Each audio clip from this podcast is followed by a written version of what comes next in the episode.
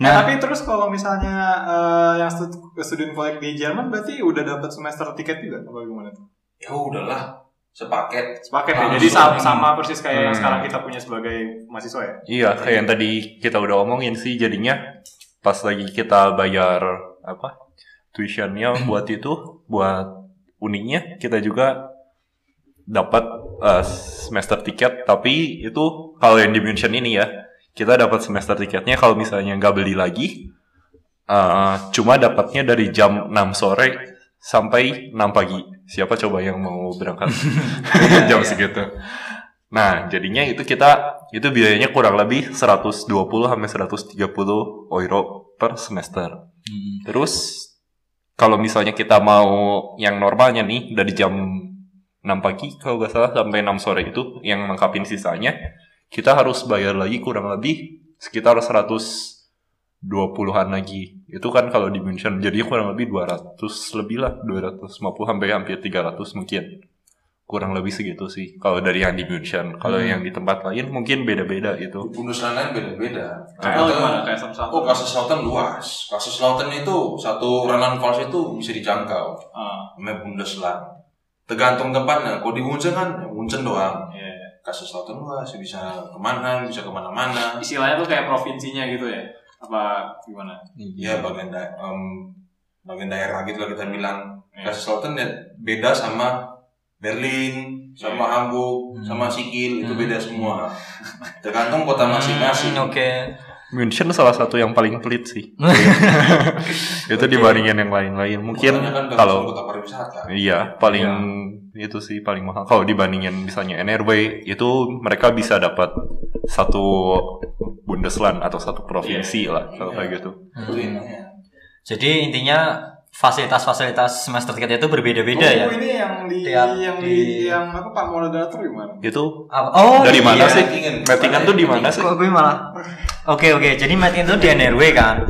Nah, ah NRW nah yang menarik dari student grade gue itu tuh student grade gue itu gak Jadi NRW tuh Bundesland tuh kayak provinsi gitu. Iya benar kayak provinsi singkatannya Northern Westfalen gitu. Ah. Itu tempat di mana di tempat eh, RWTH Aachen ya, kampusnya Habibie itu letaknya di provinsi NRW. Hmm. Nah, STK gue itu termasuknya agak spesial. Oh, jadi Kayak bakmi ngomong.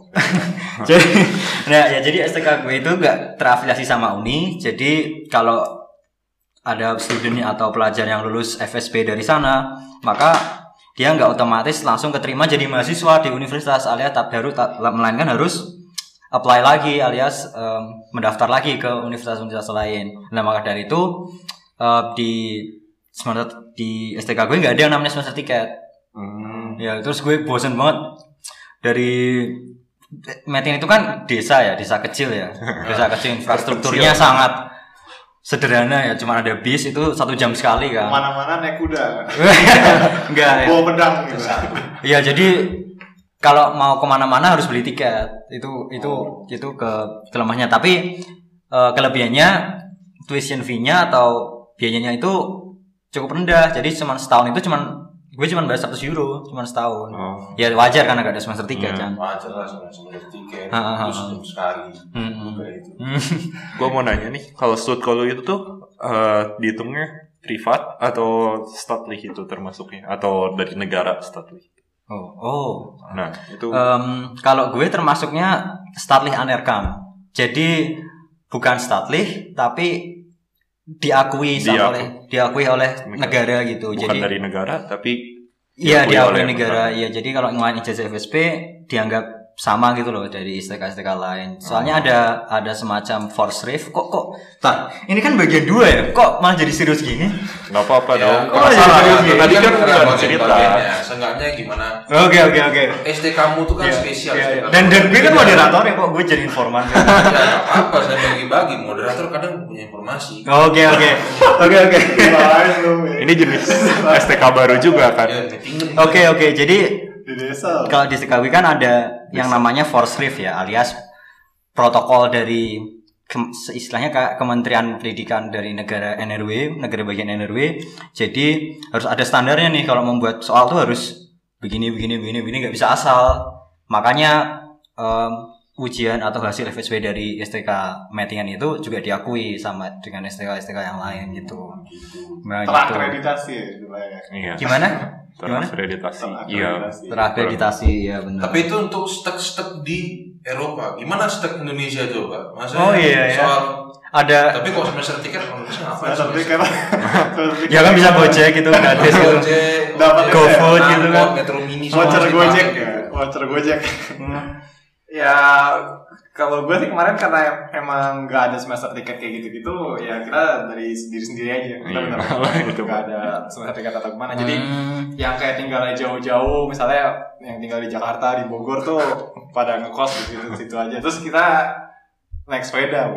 Hmm, naik sepeda. Wah, Dari ke Umwelt friendly. Umwelt Eco friendly. Daerah yang tidak umwelt friendly. Oke, sekarang kita kembali lagi dong ke pertanyaan gue di awal. Gimana sih eh, pergaulan, kesusahan atau suasana kehidupan di STK itu? Eh, apakah lo, lo pada punya pengalaman menarik selama lo menempuh pendidikan di STK? Ya, iya. Dan bisa dibagi mungkin untuk pendengar yang tertarik? Siapa dulu nih? Ya. Kevin, Kevin di desa Loh, gimana ini nih? ya? Di desa. Oh gini gini, gue ada gue ada pengalaman menarik sih. Jadi em, yang masuk umumnya Auslander dari yang negara non Latin Amerika itu kan kadang beberapa ada yang Flüchtlinge dan apa atau ada Flüchtlinge itu bahasa Jerman dari pengungsi pengungsi perang atau ada yang namanya eh, asyl ya sama kayak eh, pencari suaka kan. Nah, nah kebetulan di sana gue berteman sama eh, orang Pakistan kan. Nah dia itu apa namanya jadi buronan politik di negaranya. Jadi kalau buronan politik di negaranya kalau dia kembali ke negaranya itu ada risiko dia dibunuh bahkan dibunuh karena konflik politik. Satu satu pengalaman menarik sih yang gue dapat selama studi di Jerman. Hmm. Nah kalau Kak Lulu sendiri gimana nih? Ada pengalaman menarik gak? Tapi kalau aku tengok ya, kalau di Kaselatan itu kan kota kecil tuh. Kotanya itu ke mana-mana bisa pakai jalan kaki. Hmm. Cuman pasti orang yang tinggal dekat sana Hmm. sering terlambat dibandingin orang yang tinggal dua jam jaraknya dari sana. Hah? Kok bisa? Contohnya aku. Oke. Oh lu kemarin tinggalnya dekat sama itunya? Dekat, jalan kaki nyampe kok. Kayak berapa lima menit gitu? Ya nggak ada menit juga, setengah jam jalan kaki. Wah gila. Hmm. Setengah jam Tapi tapi kok naik bus cepat, Ah. naik bus cepat. Tapi Sehat namanya dong udah terus tiap hari. makanya urusan di sana sekarang aku di bukan. Hmm. Tapi Eh, jangan fat shaming, jangan fat shaming. Oke oke. Agak, aku mau bangga aja diri gua. Oh. Oke oke. Tapi kalau di Kaiserslautern itu namanya pergumulan di tempat suka-suka pasti masih ada ya. Hmm. Stek-stek pasti ada pergumulan masing-masing tentunya. Hmm. Kalau di Kaiserslautern itu pergumulannya itu dulu menurut aku ya itu ya sama mate dulu matematika karena gurunya yang unik, antik dan berbeda dari semua semua guru. Waduh, Hmm. itu kayak bisa buat ngejelasin produk gue. iya, makanya itu di saking gurunya gurunya pintar sebenarnya Hmm. orangnya doktor Hmm, hmm, pol hmm, hmm. pol yang atau apa cuma kok dia ngomong gak ada yang ngerti Oh itu gitu. masalahnya nah kalau di STK KL sendiri itu karena sangat singkat sangat pendek jaraknya dari Afnama Purfung sampai Vesterang Purfung nah itu dia resikonya. Kebanyakan orang banyak yang main-main banyak yang gagal di situ. Hmm, gitu ya. tapi Ya kalau, karena tapi kalau lulus bisa lah dikit-dikit. Aku satu semester lu bisa masuk uni loh. Hmm, oke. Ya udah dong jangan bahas uni dulu. Kita bahasnya kan suasana kehidupan sama Kalau sama kehidupan di Kaiserslautern itu menurutku kehidupannya ya agak tenang, namanya itu bukan kota sih Kaiserslautern itu, bisa desa. desa ya kayak Mettingen ya berarti ya. Semi desa gitu. Semi ya. Sebenarnya ya. di sana Kaiserslautern busnya mau nyomin sekali. Oh, Oke oke oke. Itu udah semester tiganya. Kalau di Kaiserslautern itu pergumulannya kebanyakan itu mau mempersiapkan diri karena ya hektik mau ujian Iya ya karena satu semester doang satu kan. semester. Hmm, hmm. Tapi kalau saat pergumulan karena banyak orang Indonesia Kaiserslautern dengan kota kecil itu pergumulan sedikit lebih banyak yang menyenangkan karena ini juga ada cerita dari gua sendiri yang tinggal di sana. Kebetulan rumah gua itu di rumah gua. Maksudnya tempat di mana gua sewa, bukan rumah. Hmm, Tempat di mana gua sewa itu ruang tamunya besar. hmm. Jadi situ dulu tuh tempat pengajian gitu banyak juga Hmm. kenangan di sana contohnya yang paling gue kangen sih setiap kali mereka pengajian ada makanan Ada makanan ya. Wah iya nih, kaum-kaum mahasiswa proletar ya. Unung gitu. Apa? Unung.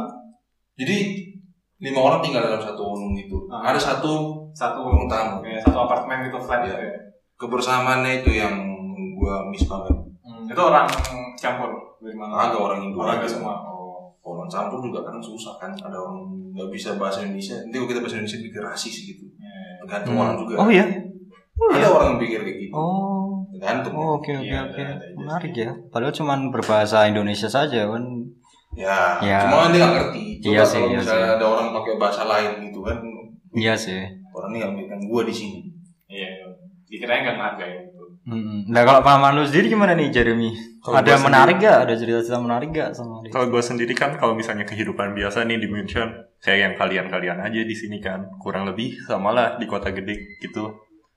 Nggak terlalu banyak, nggak terlalu banyak Mm. eh, apa namanya, eh, nggak terlalu sepi, nggak terlalu apa. Mm. Nah, yang di München itu nggak kalau di uni-uni kan biasa orang-orang mereka di sini kalau di München pada belajar terus di bil-bil di perpustakaan lah Mm-mm. seharian kayak gitu. oh lu juga gitu ya itu Enggak, kalau nah, nah, tapi bedanya kalau Stuttgart kita masih rada santai Hmm. dikit lah. Mm-mm. Tapi ayo dong, mentang-mentang student Hah? break musim masa dia belajar terus pasti ada lah cerita-cerita menarik deh. gitu apa gitu Mhm. kayak gue contohnya nolong makan atau apa gitu Oh, masa enggak ada sama sekali. Kalau di München sendiri, di München sendiri juga ya gitulah, nggak biasa aja sehari-hari. Tapi yang ramenya tuh pas lagi di sini tuh enaknya eh mereka tuh masih bukan kayak uni yang serius doang, tapi mereka tuh masih kayak lebih kayak sekolah gitu, masih mau merhatiin juga kedekatan murid-muridnya. Hmm. di hari pertama juga eh bukan hari pertama minggu-minggu pertama juga kita diajakin pergi. Itu nginep tiga hari. Di tiga hari. Tiga hari lah kurang lebih di luar. Tiga hari dua malam kita keliling keli, keliling keli, tinggal di kayak desa kayak gitu. Terus di daerah Bayern juga sih. Mhm, mhm, mhm. terus ngeliat ah ke ada gereja gitu gereja tua ngeliatin sejarah terus dikenalin studion koleknya segala macam. Kan kalau biasa mungkin studio lain gak ada yang kayak gitu kan. Tapi kalau studio di sini kita dijelasinnya tuh bukan di studion koleknya tapi di tempat lain kayak gitu.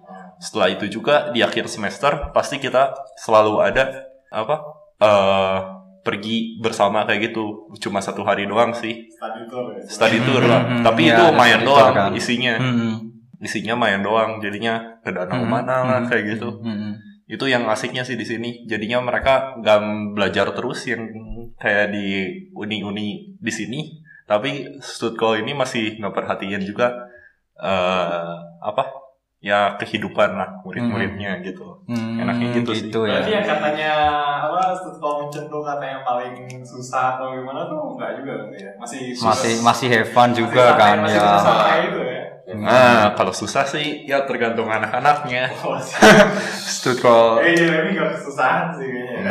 ya lumayan lah dikit tapi kalau Stuttgart sendiri ya maksudnya mereka ngadain ini supaya kita bisa juga saling dekat belajar bareng kayak gitu tapi kalau susah mah susah aja sih tergantung orangnya Mhm. gitu.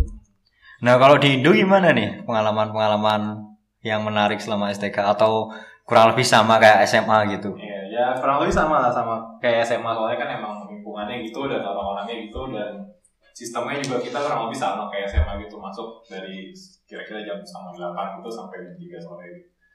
Dan apa eh ya kurang lebih sama kayak SMA jadi ad- kita tuh di gedung gitu kan kayak di namanya nama gedungnya tuh German Center. Mungkin sekarang udah diakuisisi Telkom kalau nggak salah tapi tapi dulu tuh namanya German Center. Dan kita tuh kayak gedung, gedung perkantoran gitu dan kita tuh ada di salah satu lantainya gitu. Hmm. dan di lantai itu tuh pokoknya uh, studio kuliah kita jadi tuh pas kalau misalnya kita apa namanya lagi break makan siang atau apa tuh kita di kantin yang kayak bareng-bareng sama orang-orang kantor kerja gitu Oh. terus em, dan karena apa namanya kebanyakan dari kita juga ngekos karena emang lebih enak kalau ngekos daerah situ ada juga kompleks yang benar-benar banyak kosan itu kita kayak sering banyak sering eh, nginep di kosan temen lah atau enggak kayak main ke mana-kemana Mhm. terus habis itu kita kalau ke Hmm. apa em, ke ke kalau ke juga kita dulu naik sepeda gara-gara emang daerahnya deket gitu terus habis itu ya udah lah pakai sepeda lah jadiin jadiin. Terus kayak kalau misalnya kita pagi-pagi itu kayak rame-rame naik sepeda. Hmm. kayak touring gitu.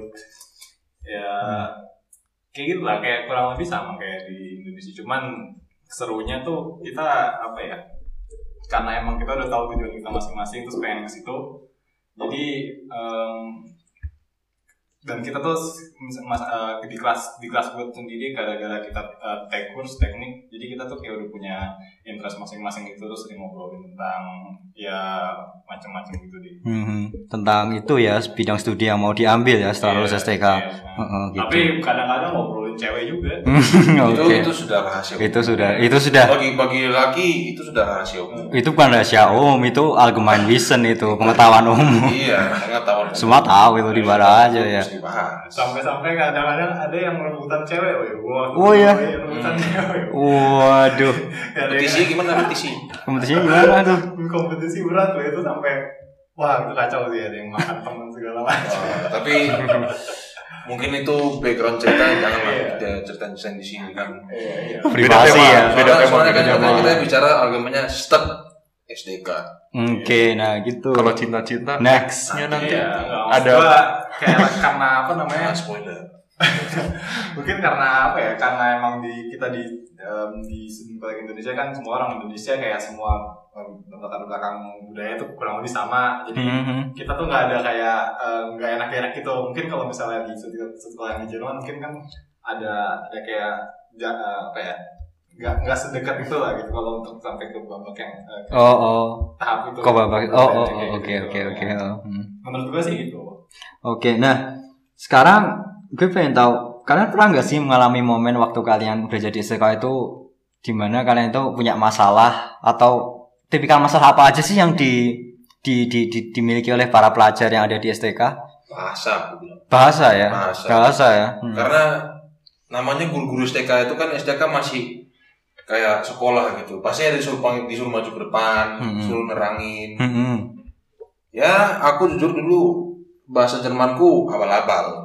Jadi sering aku campurin bahasa Jerman dan bahasa Indonesia. hmm, hmm. Contohnya ke depan tiba-tiba lupa kosakata, lu pakai Hmm. bahasa Indonesia aja. Hmm. gara-gara banyak orang Indonya. Iya. Gara-gara banyak orang Ntar, Indonesia. ntar, ntar gurunya juga iya iya iya, iya sendiri gue. ya soal bahasa sih aku bilang. Hmm, oke oke. Secara kita bicara secara em, pandangan yang apa luas sebenarnya nggak gitu banyak masalah bahasa. bahasa Jerman ya. kan beda kan. Iya benar ya. Bahasa Indonesia. Hmm, hmm. Dan itu lucu juga sih ya kayak dulu tuh bahasa Jerman kayak semua itu kan masih masih bener-bener kalau bisa bilang jelek banget terus kayak ngomongnya tuh kayak asal banget ya kadang-kadang bisa bikin ketawa juga. Yang penting pede.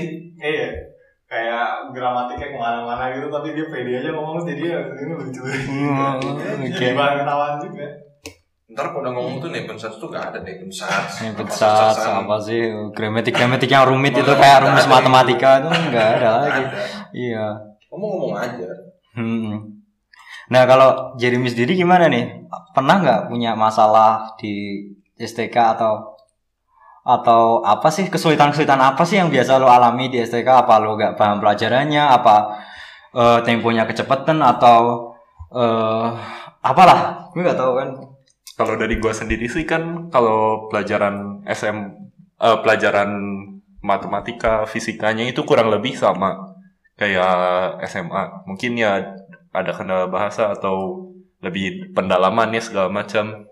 Tapi kalau gua sendiri sih itu maksudnya nggak terlalu bermasalah. Tapi yang lumayan susahnya itu tuh pas lagi Deutsch-nya gara-gara mereka tuh kalau di sini di Indonesia itu bahasa Jerman bahasa Jermannya ini kita di sini bukan cuma kayak sekolah bahasa kan belajar gramatik kosakata doang kayak gitu tapi mereka juga tuh pengen apa kita bisa nerapi apa buat penerapan nanti kita di uni misalnya gimana cara kita buat bikin rangkuman dari bahan buku yang tebal dari uni kayak gitu. Wah, buat rangkuman segala ya. Maksudnya buat iya kita jadi bisa milih eh, mana yang penting dari itu Mhm. atau misalnya pas lagi mendengarkan juga tes ngedengerin Mhm. itu tuh kita belajarnya tuh jadinya bisa supaya kita bisa nangkep yang penting-pentingnya dari eh, misalnya nanti kalau kita di uni dosen pas lagi ngomong itu Mhm. kita bisa nangkep yang penting-pentingnya itu langsung apa yang pentingnya kita bisa langsung catat kayak gitu Istilahnya tuh kalau Inggrisnya tuh ini ya apa scanning, skimming gitu. Iya, kurang lebih kayak gitu maksudnya kalau di München ini. Jadinya itu yang rada lebih susahnya lagi kayak gitu. Rada susahnya.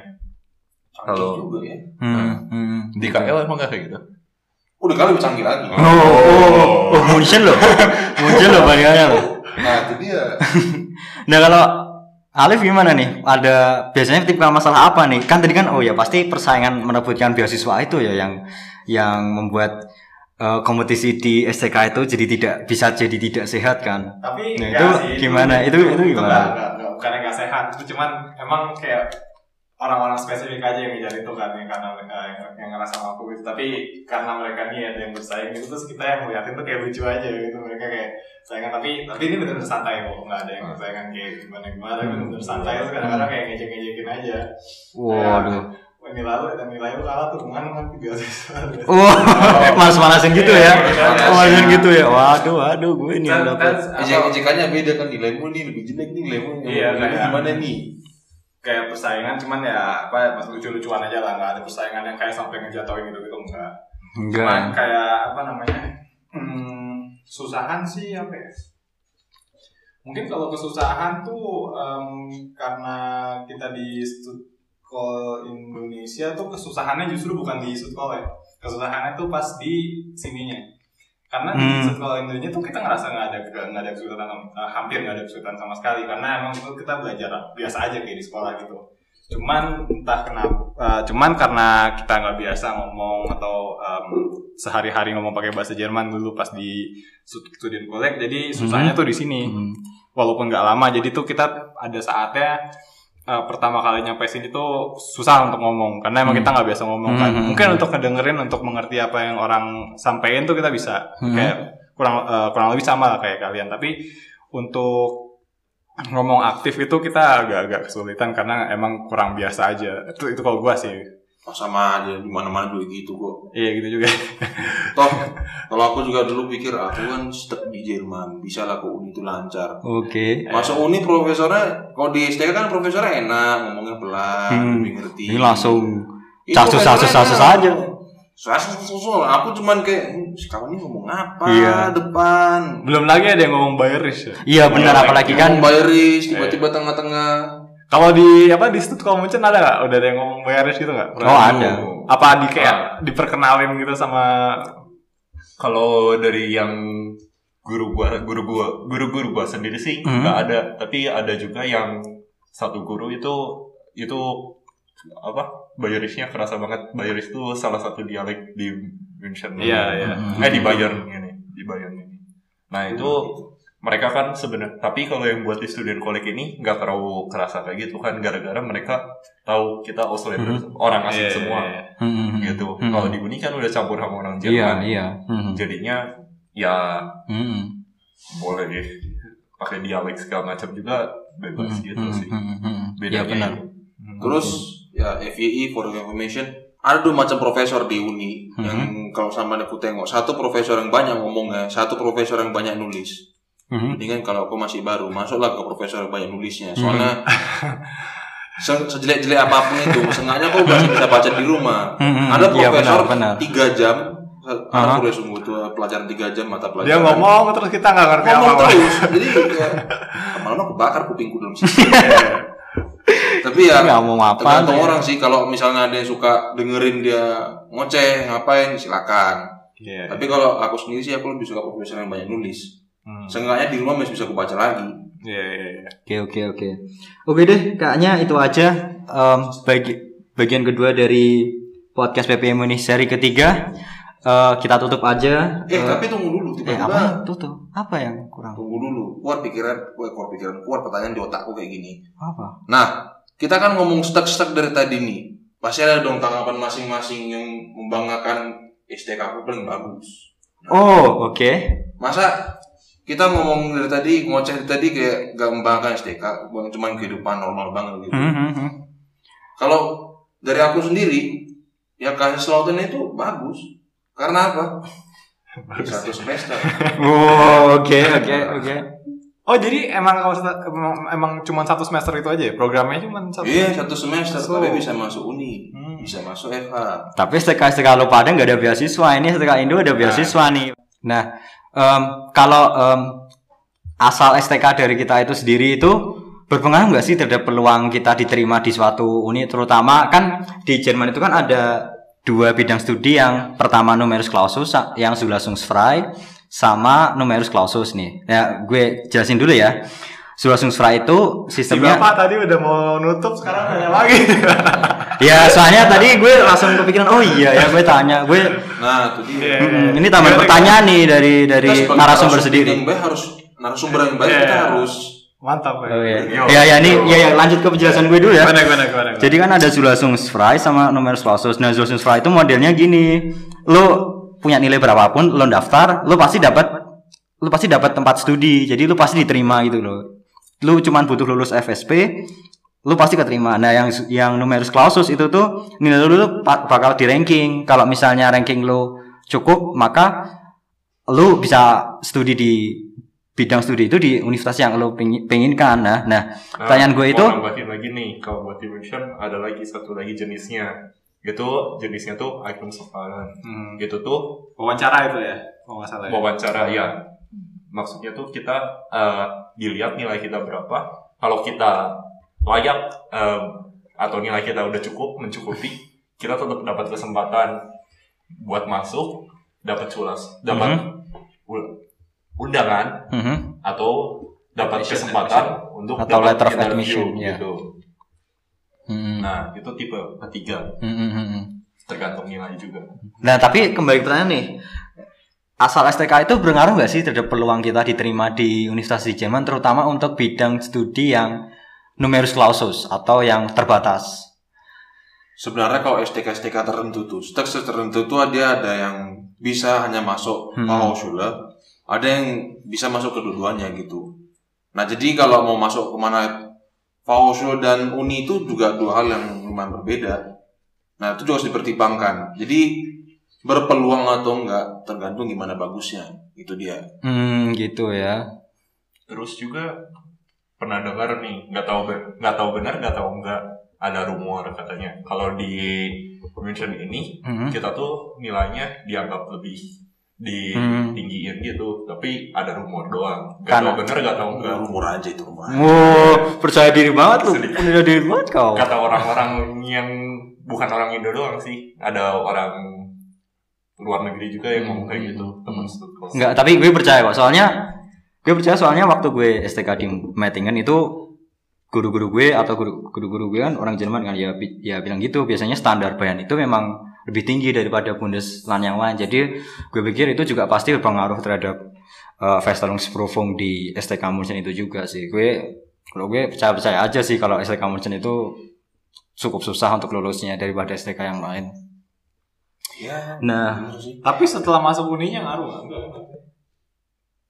Uh, oh iya tapi ke- oke Kayak sekarang kita kan sekarang eh, apa eh, pas kita studcall ini kan eh, pas kita uni kan sekarang kita orang yang yang internasional kan pasti eh, dari studcall macam-macam kan. Hmm. Gak harus dari Munchen juga Hmm. ada yang dari misalnya ada dari em, I don't know kayak dari Kaiserslautern misalnya atau dari Mettingen dan lain-lain gitu.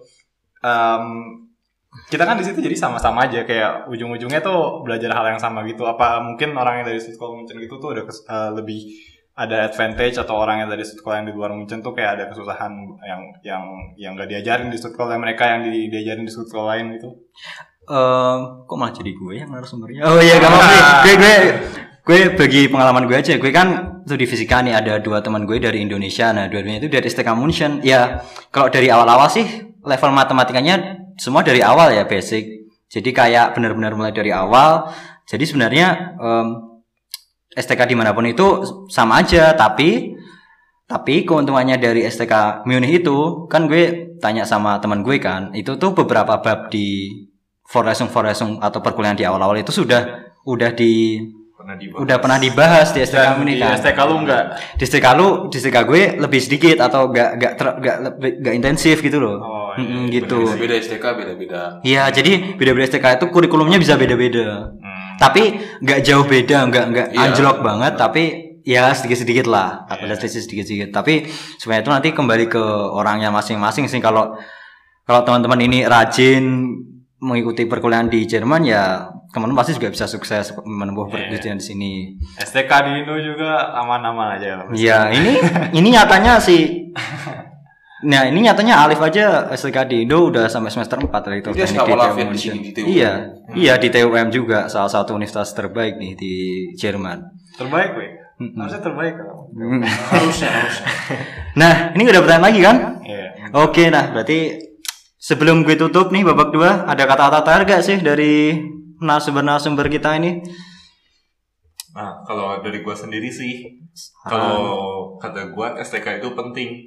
Kata gua, gara-gara gua ingat nih kata guru gua juga, kita tuh harus bangga lah masuk STK. Gara-gara kualitas STK itu tuh kalau kata guru gua dibandingin yang setara kalau di Jerman itu kan sama gimnasium.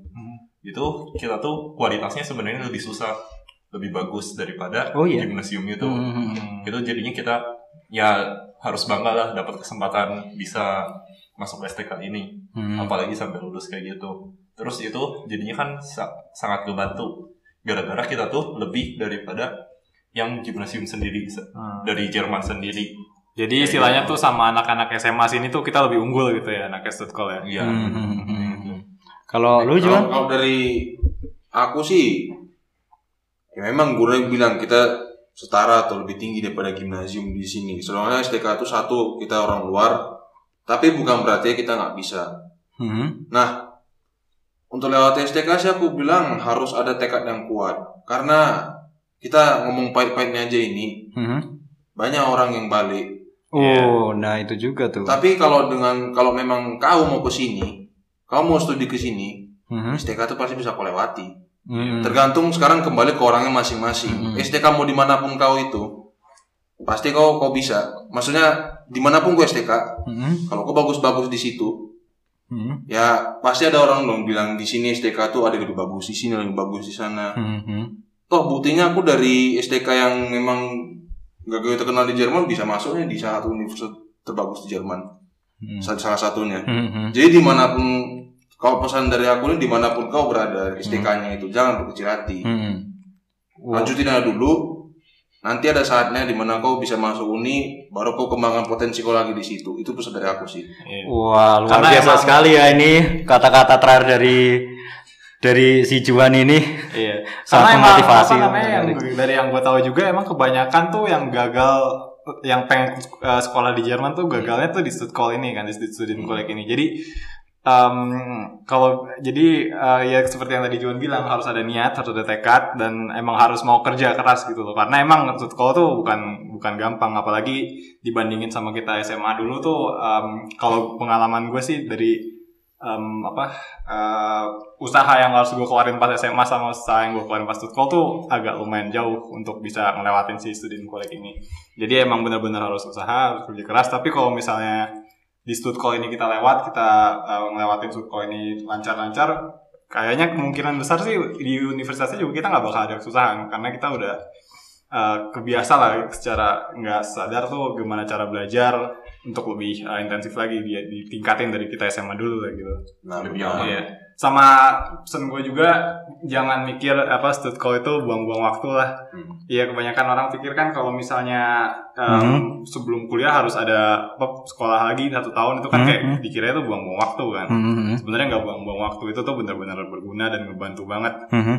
Eh, terutama tuh buat ngeintegrasiin kita dari SMA di Indonesia untuk eh, kuliah di universitas di Jerman yang kualitasnya tuh jauh gitu. Nah, itu Oke. harus diingat. Hmm. Apalagi Oke. orang-orang Indo banyak bilang banyak yang bilang STK tuh buang waktu. Iya. Ngapain kau buang setahun hidup kau untuk di sana? Hmm, Tapi hmm, ingat hmm. di Jerman kita bisa belajar Hmm. kulturnya Hmm. yang lainnya. Belajar Jadi kalau budayanya juga aja kalau ada orang yang bilang buang-buang waktu, kau ingat pada dirimu sendiri. Kenapa kau pertama ke Jerman? Iya. Nah, Dengan itu itu bakal membantu kau untuk melewati STK dan Mhm. melewati kuliah. Gak apa-apa, maksudnya terlambat setahun. Tapi di sini kita mendapatkan poin yang lebih gitu. Iya. Oke. Tapi ya istilahnya nggak buang-buang tahun lah. Nggak. ya, hitung aja ini kita semester awalnya lah. Kalau misalnya di Indo kan kita Iya, delapan iya, kan. Di Toh sini- kuliah di sini kan tiga tahun doang kan, Iya. bachelornya itu. Jangan dianggap buang-buang waktu. itu aja. Oke oke, cerita tadi menarik. Nah berhubung ketua PP Munich kita sudah menunjukkan huruf T dengan tangannya yang berarti time out, maka kita Bocor dong ya. maka kita maka eh, kita akhiri saja babak eh, bagian kedua podcast PPI Munich seri ketiga ini. Oke, tetap tetap bersama kita di podcast PPI Munich. Nantikan podcast PPI Mu. Kita nantikan Podcast tema. Podcast Mio sekarang. Eh, jangan jangan mengacaukan gue dong. Oke, oke. Bye bye. Oke. Sampai ketemu lagi. sampai ketemu lagi di tema selanjutnya.